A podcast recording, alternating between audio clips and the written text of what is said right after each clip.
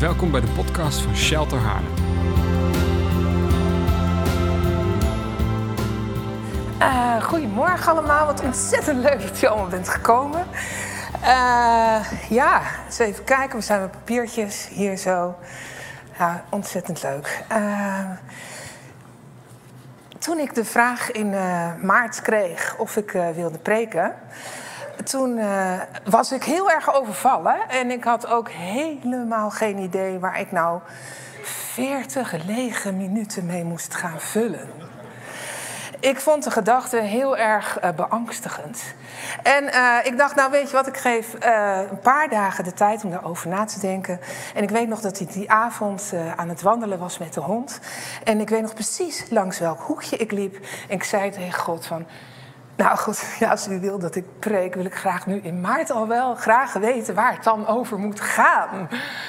En ik kreeg vrijwel meteen de gedachte, het moet gaan over journalen. Ik had echt geen flauw idee. Mijn idee, was, mijn, mijn idee over mijn preek was blanco. Maar toen ik dat hoorde, toen dacht ik, oh, ja, daar heb ik wel wat mee.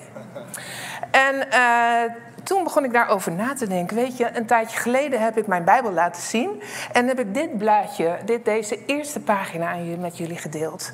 En dat is uh, dat God jou wil ontmoeten. Nou, het is toevallig ook uh, helemaal thema van de hele ochtend. God wil jou ontmoeten. Dat is een plaatje wat ik in mijn Bijbel heb getekend. Uh, het gaat vandaag over journalen. En journalen is eigenlijk heel erg hip. Het is heel erg in, maar eigenlijk ook al heel erg oud. Het is eigenlijk gewoon dagboek schrijven. Schrijven wat je dagelijks meemaakt. En in dit geval bij deze preek ook schrijven wat je met God meemaakt. Ik vind het heel erg bijzonder dat ik dit mag vertellen en ook heel bijzonder dat ik het vertrouwen heb gekregen. Nou, wat is journalen? Nou, dus dagboek schrijven. Denk daarbij aan heel veel verschillende vormen van schrijven. Dagelijks, wekelijks, alleen s'nachts, als je bijvoorbeeld niet kan slapen. Of uh, ik heb mensen gehoord met een dromendagboekje. Dus die naast hun bed een dagboekje hebben liggen waar ze dromen in op kunnen schrijven. Een dankbaarheidsboekje, heel erg hip, zal ik zo vertellen. Een tekendagboekje zijn nog veel meer verschillende dagboeken. Ik uh, ben wel benieuwd, wie schrijft er wel eens in een dagboek? Vooral die helft. Superleuk. een dagboek kan ongekend, van ongekend belang blijken. Denk maar eens aan het dagboek van Anne Frank. Maar er is nog een dagboek wat veel dichter bij ons staat. Namelijk een verzameling van verhalen, van dingen die opgeschreven zijn en gebundeld zijn in de Bijbel. God is niet zelf aan een tafeltje gaan zitten. Zo van, nou, wat heb ik nou weer meegemaakt met, uh, met David? Zo ontzettend leuk, ga het meteen opschrijven. Nee, hij wilde graag dat David dat op ging schrijven. En was David perfect? Nee, helemaal niet. Maar wat wilde God? God wil een relatie. God wil zichzelf uitstorten, maar hij wil ook graag dat jij jezelf uitstort bij God. Hij wil graag dat jij samen met hem wandelt. Oh ja, dat begon trouwens al in het paradijs met Eva en Adam. Ik zie het altijd heel voor me. Ik vind dat zo'n mooi beeld. Adam en Eva die wandelen in de avondkoelte, zoals er in de Bijbel staat, samen met God. Ik zie dan een mooie bomenrij, ik zie een watertje, ik zie een grote wilg, ik zie prachtige bloemen. En het is in het paradijs. Hoe mooi kan dat zijn? Dat zullen alleen maar gesprekken zijn waarvan je denkt van, oh, wat prachtig. Oh, wat verrijkend. En oh, wat vol van liefde en leven. Nou ja, toen moesten ze dus uit het paradijs vertrekken, ging de deur van het paradijs dicht en dat was it. Nou, niet voor de relatie met God. Zeker niet. Want Hij wil nog steeds op die manier naast ons lopen, met die manier met ons praten. Uh, het volgende ja. ja. Uh, ik uh, las in, uh, op Facebook een quote van uh, Wilkin van der Kamp. En die had geschreven dit weekend: God plant nooit een boom, maar altijd een zaadje. Nou, het journalen, oftewel het opschrijven van jouw wandel met God. Denk maar even aan de Bijbel. Hè. Voorbeeldje, is een klein zaadje. En het, ja, het ontvangen van zijn woord, van kleine dingen, waar Walfried het net ook over had, dat is een klein zaadje. Maar het kan uitgroeien tot een enorme, krachtige boom. Het heeft de potentie om van grote invloed te zijn in jouw leven, in het leven van de ander en van jouw algemene wandel met God en eigenlijk ook je mentale gezondheid. Want uh, wisten jullie dat het schrijven en bijhouden van een dagboek wetenschappelijk heel effectief is? Dat is zo leuk, hè? Wist ik helemaal niet. Ik schrijf echt al jaren en jaren en jaren en jaren. Dus helemaal niet dat het zo effectief was. Maar nu ik me mee bezig uh, ging houden, heb ik gemerkt dat het heel effectief is. Nou, uh, bijvoorbeeld, het vermindert stress. Mag de volgende dia? Ja. Uh, bijvoorbeeld is bewezen dat slechts vijf minuten journalen per dag ons stressniveau kan verlagen en ons kan helpen om duurzaam te ontspannen, stressvrij te leven en negatieve gevoelens los te laten. Nou, dat snap ik wel, want op het moment dat je gaat schrijven, schrijf je misschien over de dagelijkse dingen, maar je schrijft ook over je gevoelens, je schrijft over je frustraties en daarmee komen je innerlijke drijfveren eigenlijk veel meer naar boven, waardoor je dat dus ook kan verwerken op dat moment. Dat is natuurlijk een ontzettende krachtige uh, tool om ja, dingen te verwerken. Um, Oh ja, die is ook leuk. Het verbetert je slaap. Nou, daar ben ik het voorbeeld van.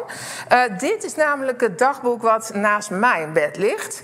En uh, ja, soms is het gewoon zo dat in mijn leven regelmatig zaken naar voren komen die mij overvallen. Vooral als zaken tegelijkertijd gebeuren, kan het zijn dat ik maar niet kan slapen. Dan kan zomaar een gevoel van onmacht mij overvallen. Ik kan er dan voor kiezen om wakker te blijven liggen. Ik, dat vind ik op dat moment wel het makkelijkste, maar uiteindelijk niet het meest duurzame. Dus wat kan ik beter doen? Ik kan beter het licht aandoen en gaan zitten of ergens anders beneden gaan zitten. Potlood, pen erbij pakken en dit uh, dagboek. Want ik weet op het moment dat ik ga schrijven, en het zijn echt hele dagelijkse dingen. Echt niks bijzonders, maar zo van wat ik de dag daarna moet meemaken, of wat ik net heb meegemaakt, of ja, waar ik me zorgen over maak, of het nieuws wat ik net heb gehoord. Maakt niet uit. Ik ga schrijven en dan uh, ja, denk anderhalf bladzij of zoiets dergelijks. En leg ik het neer en denk van, heb ik alles gehad? Ja, ik heb alles gehad. En ik ga slapen en eigenlijk binnen een kwartier val ik echt wel in slaap. Dus dat is echt heel erg fijn. Harvard heeft. Uh, wat is dat Harvard? Nee, nog niet. Door een recente. Wacht even hoor. Door regelmatig een dagboek bij te houden kun je je gedachten ordenen, stress en angst verminderen en negatieve gewoonten identificeren en doorbreken. Nou, snap ik wel. En een recente studie van Harvard, dat is leuk, want uh, journalen is heel hip. Het is heel erg in. Als je in lifetime-style uh, bladen en dergelijke leest, maakt niet uit. Dan is het schrijven van een journal, dus het verwerken van jouw dagelijks leven ontzettend effectief. Nou, Harvard heeft het ook uitgezocht recent. En die geeft zelfs aan dat journaling helpt om je IQ te verbeteren, maar ook beter te benutten. Nou, dan hebben we ook nog uh, een hele grote telefoonfabrikant, namelijk Apple. En die komt in september met een speciale app op je telefoon, namelijk de Journal Update. In deze journal kan je dagelijks bijhouden wat je hebt meegemaakt. Je kunt bijhouden voor welke dingen je dankbaar bent. Nou, zo'n dankbaarheidsdagboekje is een hele goede set van de telefoonfabrikant. Omdat het je wel degelijk jouw mental health verbetert. Volgens hoogleraar geestelijke gezondheidsbevordering Ernst Bolmeijer, auteur van het boek De kracht van dankbaarheid, werkt zo'n dagboek als een vergrootglas voor aangename zaken. Ik heb zelf ook een dankbaarheidsdagboekje. Dit is trouwens een plaatje dat ik zelf heb gemaakt om daar 2023 mee uh, te starten. Uh, op het moment uh, dat ik dit schreef, was het een verschrikkelijke troep bij ons in huis. Er waren overal werkmannen, want uh, we hadden een renovatie bij ons in huis. Alles was vies en stoffig. De ramen waren ongelooflijk vies. Kon je niet eens meer doorheen kijken. Er stond natuurlijk niets meer in huis. En de radio van de werkmannen stond de hele tijd aan. En uh, dat is natuurlijk een uitgelezen moment om uh, niet dankbaar te zijn. Maar het leuke is dat als je dan de focus gaat zetten om de dingen waar je wel dankbaar voor bent, dat dat als het ware uh, ja, jouw belevenis, jouw beleving wordt van die dag. Dus ik had opgeschreven. oh, ik ben zo dankbaar dat Frederike, mijn dochter, nu eventjes niet thuis is. Want dan hoeft ze niet te bivakeren in die rommel. Ze is lekker op vakantie in Frankrijk. Wat heerlijk. Ik ben dankbaar voor de kleuren die er uiteindelijk tegen de muur komen. Ik zie daar ontzettend naar uit. Ik zie het nu nog niet, maar ik zie het wel voor me. Dank u wel, vader, voor het mooie weer. En uh, ik had net gehoord dat ik voor groep 7 mocht gaan staan. En ik zei: Heer, dank u wel dat ik voor groep 7 mag staan komend jaar. Ik vind het best spannend, maar ik vind het leuk dat mij het vertrouwen is gegeven om dat te doen. En als laatste, Heer, dank u wel dat ik in ieder geval de, zo, de zolder heb. Waar niets gebeurt en waar geen werkman kan komen. Maar waar ik dan heerlijk ontspannen mag zijn. De Universiteit van Twente heeft ook deze dankbaarheid wetenschappelijk bewezen. Het trainen van dankbaarheid is geen trucje om snel gelukkig te worden. Het gaat juist om het ontwikkelen van een nieuwe levenshouding.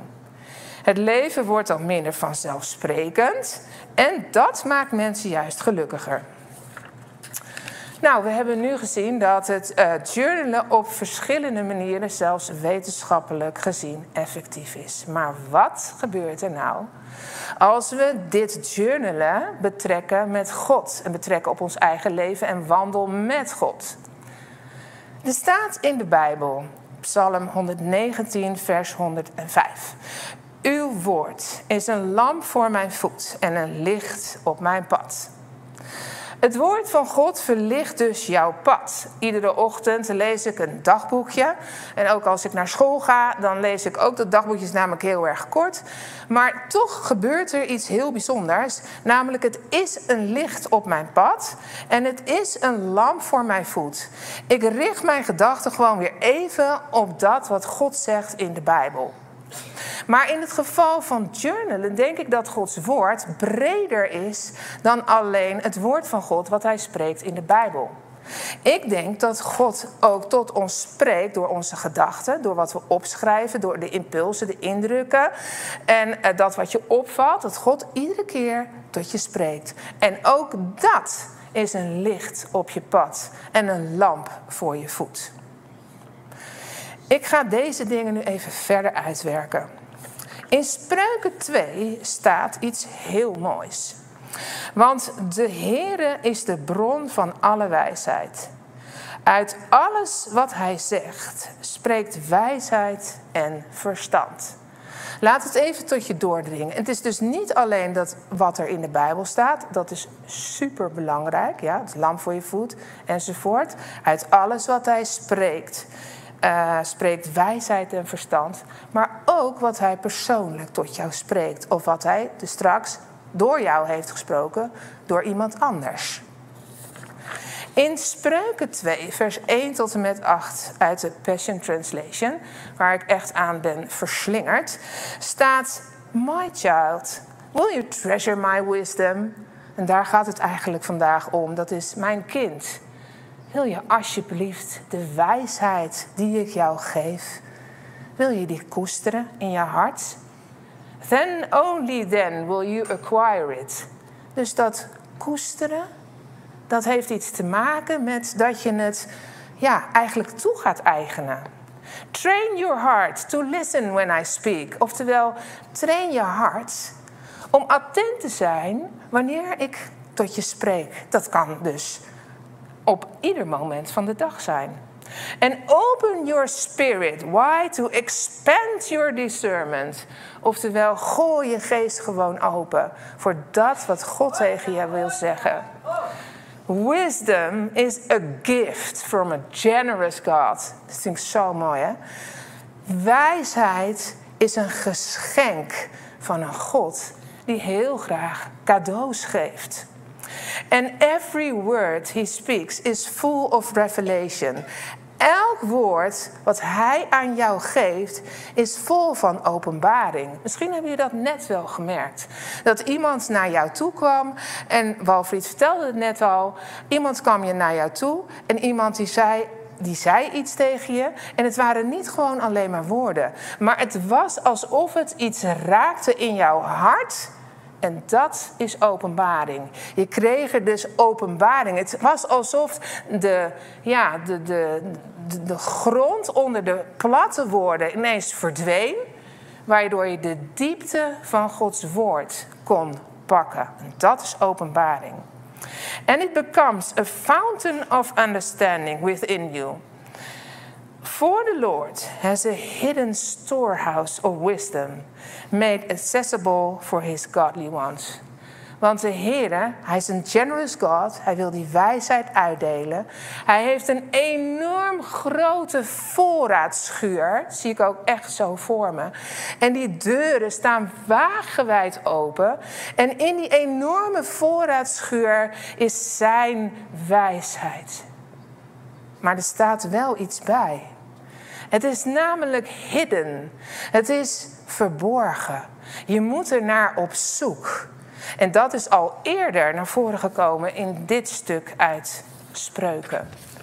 God zegt namelijk: My child, mijn kind, wil je alsjeblieft dat wat ik tegen je zeg koesteren? En wat is nou koesteren? Nou, het is heel goed te vergelijken met het ja, terughalen van een mooie herinnering. Wat raakte nou jouw hart? Dat koester je. Denk even na. Welke mooie herinnering heb je? Wat raakte jouw hart? Bedenk het even. Als je iets treasured, als je iets koestert, wat doe je dan? Je houdt het heel voorzichtig vast. Je bewondert het. En je laat het op je inwerken. Zo'n mooie herinnering, daar ga je geen oordeel over hebben. Dan ga je ook niet over zeggen, ja, maar dat was niet goed en dat was niet leuk en dat ging verkeerd. Nee, dat ga je koesteren van ja, dat was zo mooi, het was zo bijzonder. En natuurlijk waren er wat minder dingen, maar het was zo bijzonder. Ja, dat is echt een mooie herinnering om te koesteren. Om daar nog eens over terug te denken. En dat bedoelt God met koester mijn woord in jouw hart. God wil jou bemoedigen. Hij loopt altijd naast je. Hij is altijd met jou. We hebben dat straks, straks gezongen.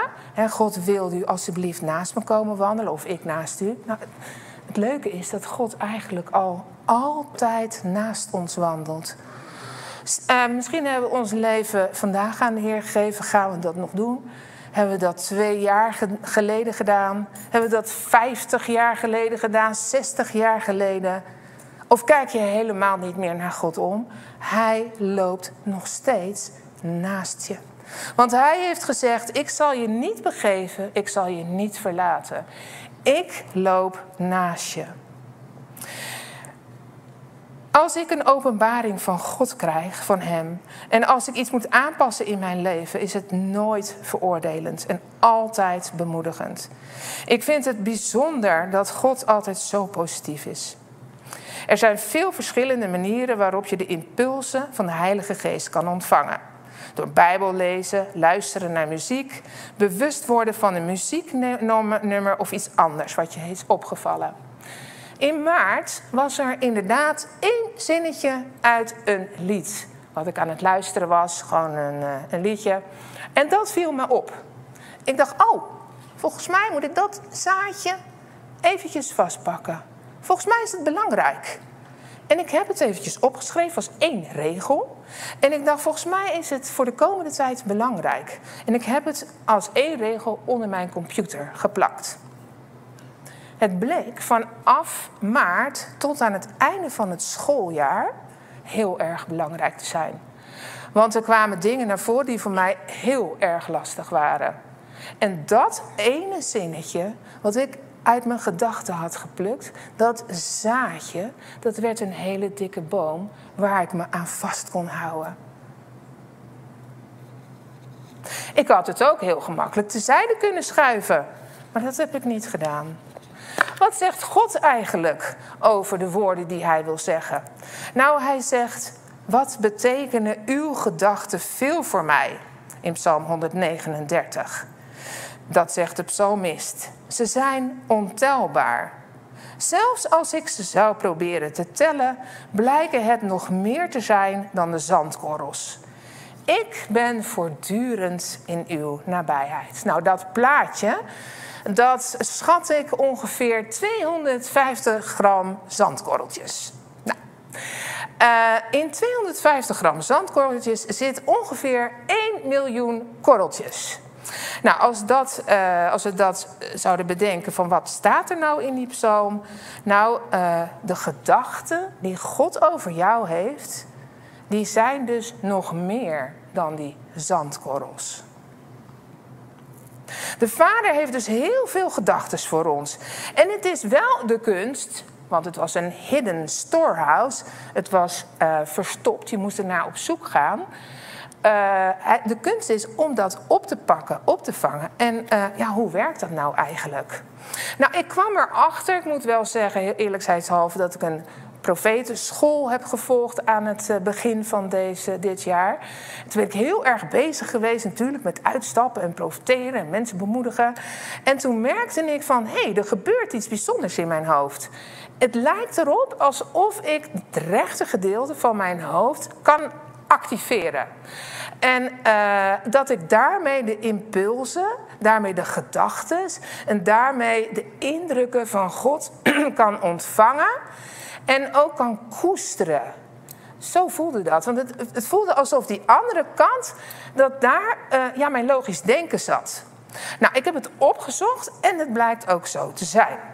Aan de rechterhelft van mijn hersenen zit dus inderdaad het creatief kunnen denken, het, uh, het gevoel, de empathie, het voorstellingsvermogen, het geloof, het kunstzinnige gedeelte. Dat, dat, dat, dat klopt dus. Het, het klopt dus dat ik dit gedeelte kan aanzetten. Maar uh, wij in het Westen zijn ontzettend goed uh, geoefend in het andere gedeelte van onze hersenen. Namelijk het logisch denken. En uh, het logisch denken, hè, daarom zijn wij natuurlijk ook zo ongelooflijk uh, ja, ont ontwikkeld als samenleving. Want we kunnen heel goed nadenken. De voor's en de tegens, uh, de logica. is het wel logisch? klopt het wel? Is het wel realistisch? Of is het wel feitelijk?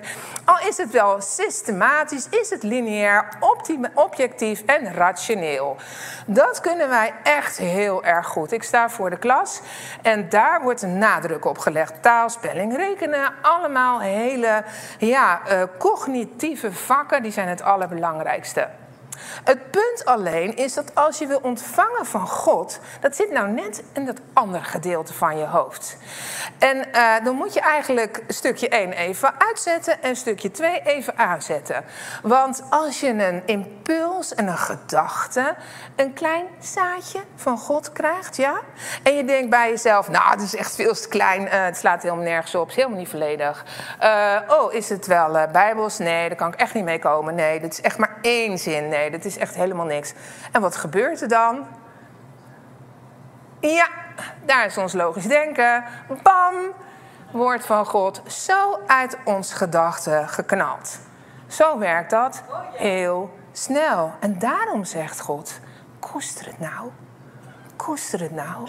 Mijn kind, wil je alsjeblieft koesteren wat ik je geef. Koesteren wat ik je geef door de Bijbel heen. Maar ook koesteren wat ik je in je gedachten geef. Wil je dat koesteren? Wil je het van onder en boven bekijken? Wil je het op een speciaal plaatsje in je hart leggen? Ik weet zeker dat als Maria, toen de engel kwam om haar te vertellen dat ze zwanger zou worden van een zoon, eh, dat ze heel goed had kunnen denken: Oké, ja, ik ben dus niet getrouwd. Ik ben verloofd. Dit wordt echt een ramp. Dit kan niet waar zijn. Uh, nee, nee, nee, nee, ik geloof niet. Sorry, ja, u staat wel voor me als engel, maar ik geloof niet, want het kan niet. Ik heb hier wel een aantal dingen, kan niet. Heeft ze niet gedaan. Wat stond er, wat staat er in de Bijbel? Ze nam de woorden aan en bewaarde ze in haar hart. Ik vind het ontzettend sterk. Ze zei van ja, ik wil koesteren wat u mij geeft. Ik wil dat zaadje wat u aan mij geeft, wil ik koesteren in mijn hart als iets waardevols. Niet waar ik een oordeel over heb, maar waar u een enorm vrucht aan wil geven. Nou, dat bleek wel waar te zijn. Ik kreeg op een gegeven moment een beeld. En, oh, hij komt er niet helemaal goed op. Maar dat is het beeld. En dat heb ik. Ik heb nog een ander dagboek. Dat is mijn plaatjesdagboek. En daar uh, plak ik allerlei dingen in. Nou, dan komt, uh, komt deze uit. En hiermee wil ik jullie graag een beetje meenemen. En ja, mogen jullie ook zo meteen actief in deelnemen. Dat was een, een, beeld. En ook dat beeld had ik heel gemakkelijk terzijde kunnen schuiven, want het was namelijk heel kort. Het was een persoon en Jezus liep naast die persoon. Ik had kunnen denken, dit is niet logisch, dit is veel te weinig informatie, ik kan hier niks mee, het is niet volledig, wat stelt het voor? Maar dat heb ik niet gedaan. Ik heb het beeld stopgezet in mijn gedachten. Ik heb meteen even op de pauzeknop gedrukt, zodat ik het beeld kon bekijken en vasthouden. Ik had zo de gelegenheid om met mijn ontvangkant van mijn hersenen er even onbevangen over te kunnen ontvangen. Ik kon er ook wat vragen over stellen aan God. Ik heb die pauzeknop best wel lang ingedrukt gehouden, omdat ik ervoer dat de boodschap waardevol was. En vervolgens heb ik er dus ook iets over gemaakt in mijn plak- en knipboek. Het was alsof ik deed wat er in spreuken staat. My child, will you treasure my wisdom? Zo is het als God tegen je spreekt. De tekst is uitnodigend. My child, will you treasure my wisdom? Mijn lieve kind, sta jezelf toe om mijn wijsheid, de woorden die ik je geef, om die te koesteren. En ik zag dat Jezus was aan het wandelen. En er liep een persoon naast. Of eigenlijk andersom. Was een persoon was aan het wandelen en Jezus liep daarnaast. Die persoon had eigenlijk helemaal niet door dat Jezus naast die persoon liep. En achter de rug van Jezus was een groot, schitterend boeket. Het schitterende boeket was het cadeau voor die persoon. En hij hield het achter zijn rug, zodat je het nog niet kon zien. Hij wilde dat bloem voor bloem aan die persoon geven. En dat zijn de indrukken, de impulsen. Hij wil zichzelf laten zien aan je. Hij is trouw aan jou. Hij heeft gezegd: Ik wandel altijd naast je. Ook al ben jij God al lang vergeten, ook al is het 50 jaar geleden dat je leven aan de Heer hebt gegeven, Hij is trouw. Hij wandelt nog steeds naast jou. Hij wandelt nog steeds vol nieuwsgierigheid naast je en heeft die enorme boeket achter zich. Hij dringt zich niet aan je op. Hij straalt heel veel liefde uit. Geen enkele veroordeling. Ik zie dat hij nieuwsgierigheid uitstraalt. Hij is benieuwd naar je. Hij loopt gewoon naast je zoals hij heeft beloofd. Er is geen enkele druk, geen veroordeling, maar ook geen verwachting. Dan pakt hij achter zijn rug zijn verrassing. Een bloem uit dat schitterende boeket achter zijn rug. Je ziet aan het gezicht van Jezus dat hij er naar uitziet om dat aan jou te geven. Hij is er helemaal vol van. Hij wil zichzelf met jou delen. Hij wil zijn goedheid, zijn vriendelijkheid en zijn openbaring met jou delen. Hij wil zijn geduld voor jou en zijn visie op de dingen van jouw leven met jou delen. Zijn blijdschap, zijn vrede, zijn tederheid wil hij aan jou laten voelen. Zijn gedachten over jou zijn vol van genegenheid, die wil hij ook met jou delen. Hij biedt de bloem nu aan. Hij wil hem aan je geven. Heb je het door dat Jezus altijd naast je loopt? Ik zou zeggen, doe even je ogen dicht. Of kijk naar het plaatje. En bedenk, stel je voor in je gedachten dat Jezus altijd naast je loopt. Want Hij heeft dat beloofd. Ik zal je niet begeven, ik zal je niet verlaten. Stel je dat voor. En als je dat lastig vindt, ik ook vragen, Heilige Geest, wilt u mij helpen om mij dat voor te stellen, dat ik dat zie? Heilige Geest, wilt u mijn geestelijke, mijn hart openen, mijn hartsogen openen, zodat ik Jezus zie, zodat ik Jezus naast me zie.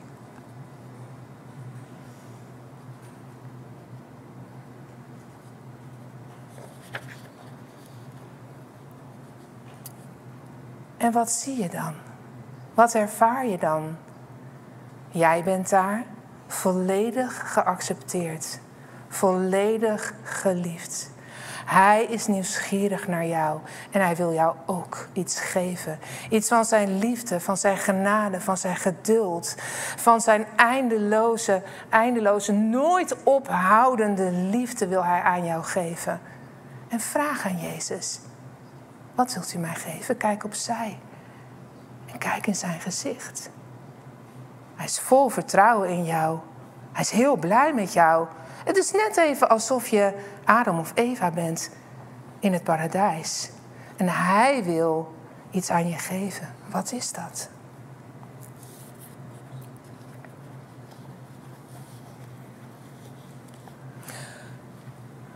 En misschien heb je nu al wat ontvangen. Misschien heb je nu, heel, misschien heel klein. Misschien heel onbetekenend. Misschien heel mooi. Misschien raakt het je hart heel erg. Misschien is het iets waar je hart van opspringt. Of misschien is het iets waarvan je denkt, nou dat, dat, dat kan niks zijn. Maar nee, dat is niet wat God zegt en waar God je toe uitnodigt. Waar God je toe uitnodigt is om dat even te pakken, dat zaadje. Die impuls, die gedachte. En dat even te koesteren. Bekijk het van onder en boven, van links en rechts. En koester het. Zet het even op een heel bijzonder plekje in mijn hart. Het is ongetwijfeld een teken van Gods liefde voor jou. Het is ongetwijfeld iets van Hem, van Hemzelf, wat Hij met jou wil delen. En het bijzondere is altijd, er is nooit veroordeling in wat Hij zegt.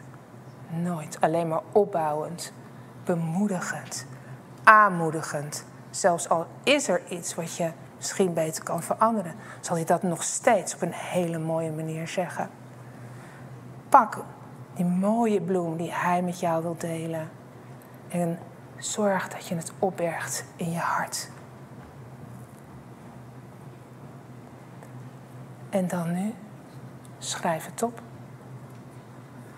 Want je hebt misschien nu het idee van, oh, dit is bijzonder. Dit is leuk. Ja, ik heb, ik heb het gepakt. Ja, ik heb op de pauzeknop gedrukt. Ja, ik heb hem, ik heb hem, ik heb hem. Ik ga hem koesteren. Want dan, want dan, want dan zullen we de wijsheid van God gaan inzien. En dan komen we uiteindelijk bij die hidden storehouse, die verborgen, mooie voorraadschuur van Gods wijsheid. Ja, ja, ja, ik heb hem, ik heb hem, ik heb hem, ik heb hem in mijn hart gestopt. Maar ik kan je verzekeren, je vergeet het weer. Als je straks naar huis gaat, op de fiets, in de auto, met de bus of wat dan ook, ben je het misschien alweer vergeten. Of uh, zometeen bij het koffiedrinken, ben je het alweer vergeten, is het alweer zomaar verdwenen. Dat moet je dus niet laten gebeuren. Dat moet je dus niet laten gebeuren. De eerstvolgende gelegenheid die je hebt, pak die om het op te schrijven. Ga naar huis of schrijf het in je telefoon of stuur jezelf een e-mailtje en zorg dat je het opschrijft. En hoe gaat dat dan? Nou, dan heb je een hele mooie, kostbare steen van God gekregen, een kostbare bloem. En het is als een, een, een, een kraal. En er zullen nog meer kralen ontstaan en nog meer en nog meer. En iedere keer als je het opschrijft dan, en je leest het terug, dan zie je, oh, wat is dit een mooie ketting. Wat is dit mooi. Heeft God dit allemaal tegen mij gezegd? En als je het opschrijft, er is geen houdbaarheidsdatum. Als ik dingen lees van een aantal jaren geleden die ik op heb geschreven en die lees ik weer, waarvan ik denk dat God dat aan mij heeft gegeven. En is dat altijd perfect? Nee, ik schrijf gewoon wat op en ja, denk van, nou, ik weet het allemaal niet hoor. Ik schrijf het op en vooral als ik het later teruglees en denk, oh, is echt heel mooi spreekt heel veel leven uit. Het raakt me nu nog steeds aan. Sterker nog, ik raak er nog steeds door geëmotioneerd. Waarom? God kent jou.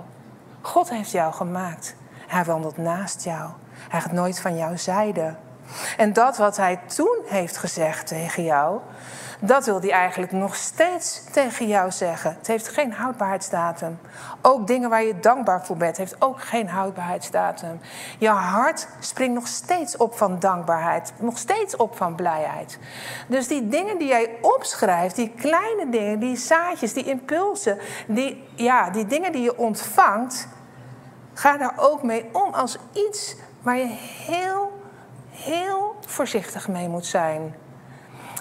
En dat is misschien nu één regel of twee regels, maakt helemaal niet uit. Eén, keer per dag, één keer per week, één keer per maand, maakt helemaal niet uit. Schrijf het op. En dan wordt jouw relatie met Jezus als een bron. Weet je, je kan luisteren naar een preek en je kan erover lezen. Je kan het zien gebeuren. Maar het ervaren, dat maakt de diepste indruk op ons. Dus als jij ervaart dat God door zijn Heilige Geest tot jou spreekt. Als jij nu hebt ervaren, Jezus die naast mij loopt, wil mij iets bijzonders geven. Dat is de meest krachtige ervaring die je krijgt. En dat is natuurlijk wel heel bijzonder, dat God dat zomaar aan ons geeft. En daarom zegt hij ook van, mijn kind, wil je dat alsjeblieft koesteren? Want het is zo bijzonder. Het gaat over jou en het gaat over mij. En het gaat erover wat ik jou wil laten zien in mijn leven, in jouw leven. Open je hart voor God. Laat hem binnen. Zeg, ik wil met u wandelen. Ook al zou dat vandaag voor het eerst zijn. Als je dat ook wil, je wil ook dat Jezus naast jou wandelt, zeg dan Jezus, dat wil ik heel erg graag. Ik wil uw wijsheid ontvangen. Maar ook als dat 50 jaar geleden was, zeg dan, oh wat fijn Jezus dat u nooit van mijn zijde bent geweken.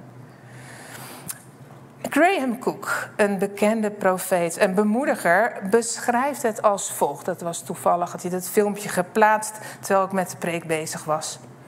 We gaan naar God toe om alles wat we zijn en hebben met Hem te delen. God loopt naast ons, zoals Hij is. Hij laat, Zijn perspectief zien. Hij laat zien hoe Hij jou ziet en wat Hij bijzonder vindt aan jou en wat Zijn doel is met jou. Dan wordt stille tijd een tijd dat God je overweldigt met goedheid en vriendelijkheid. Laat zijn liefde jouw stress wegvagen. Graham Cook zei, zegt: We hebben het echt nodig om tijd apart te zetten. om te luisteren naar de stem van de Heilige Geest. En naar Jezus, die altijd naast ons loopt.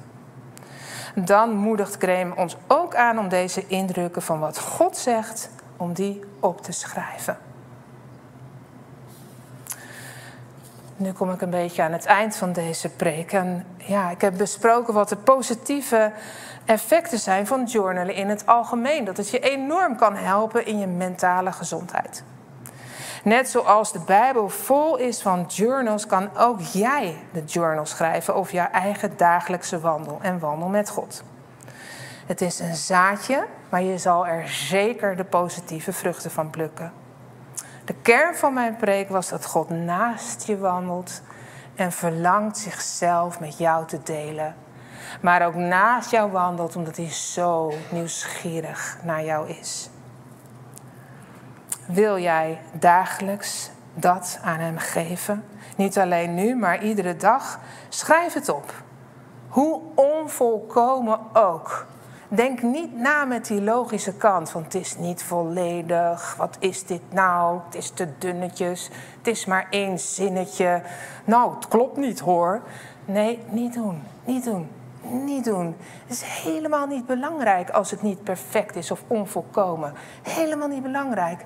Wat wel belangrijk is, is om het te pakken en om het te koesteren en om te bewaren in je hart.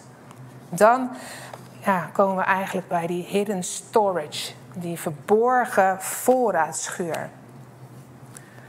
Als jij zegt, ja, ja, eigenlijk heeft dat wel iets geraakt in mijn hart. Eigenlijk, ja, ik, ik ervaar eigenlijk wel net iets meer van Gods liefde. Of ik, ik, ik ervaar eigenlijk zijn uitnodiging. Dan uh, nodig ik je uit om, uh, ja, dat te zeggen tegen God nu op dit moment. Ik zou zeggen, doe je ogen dicht en ja, wat je maar wil. Misschien wil je staan, zitten, handen open, knielen, maakt mij echt niet zoveel uit. Maar zeg dan tegen Jezus, gewoon iets wat je zelf tegen hem wil zeggen. Jezus, het is zo bijzonder dat u altijd naast me wandelt. Ik vind het zo bijzonder dat u door uw Heilige Geest mij altijd wil bemoedigen aanmoedigen, mij wil bekrachtigen, mij ziet zitten, mij wil troosten, mij vrede wil geven, mij ruimte wil geven.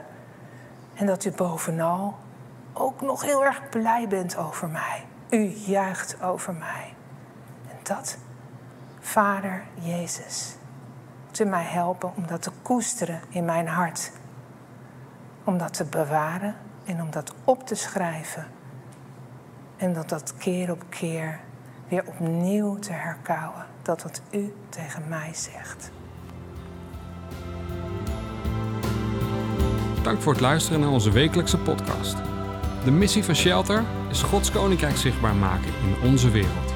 Wil je onze gemeente financieel ondersteunen in deze missie? Ga dan naar www.shelter-haarlem.nl geven.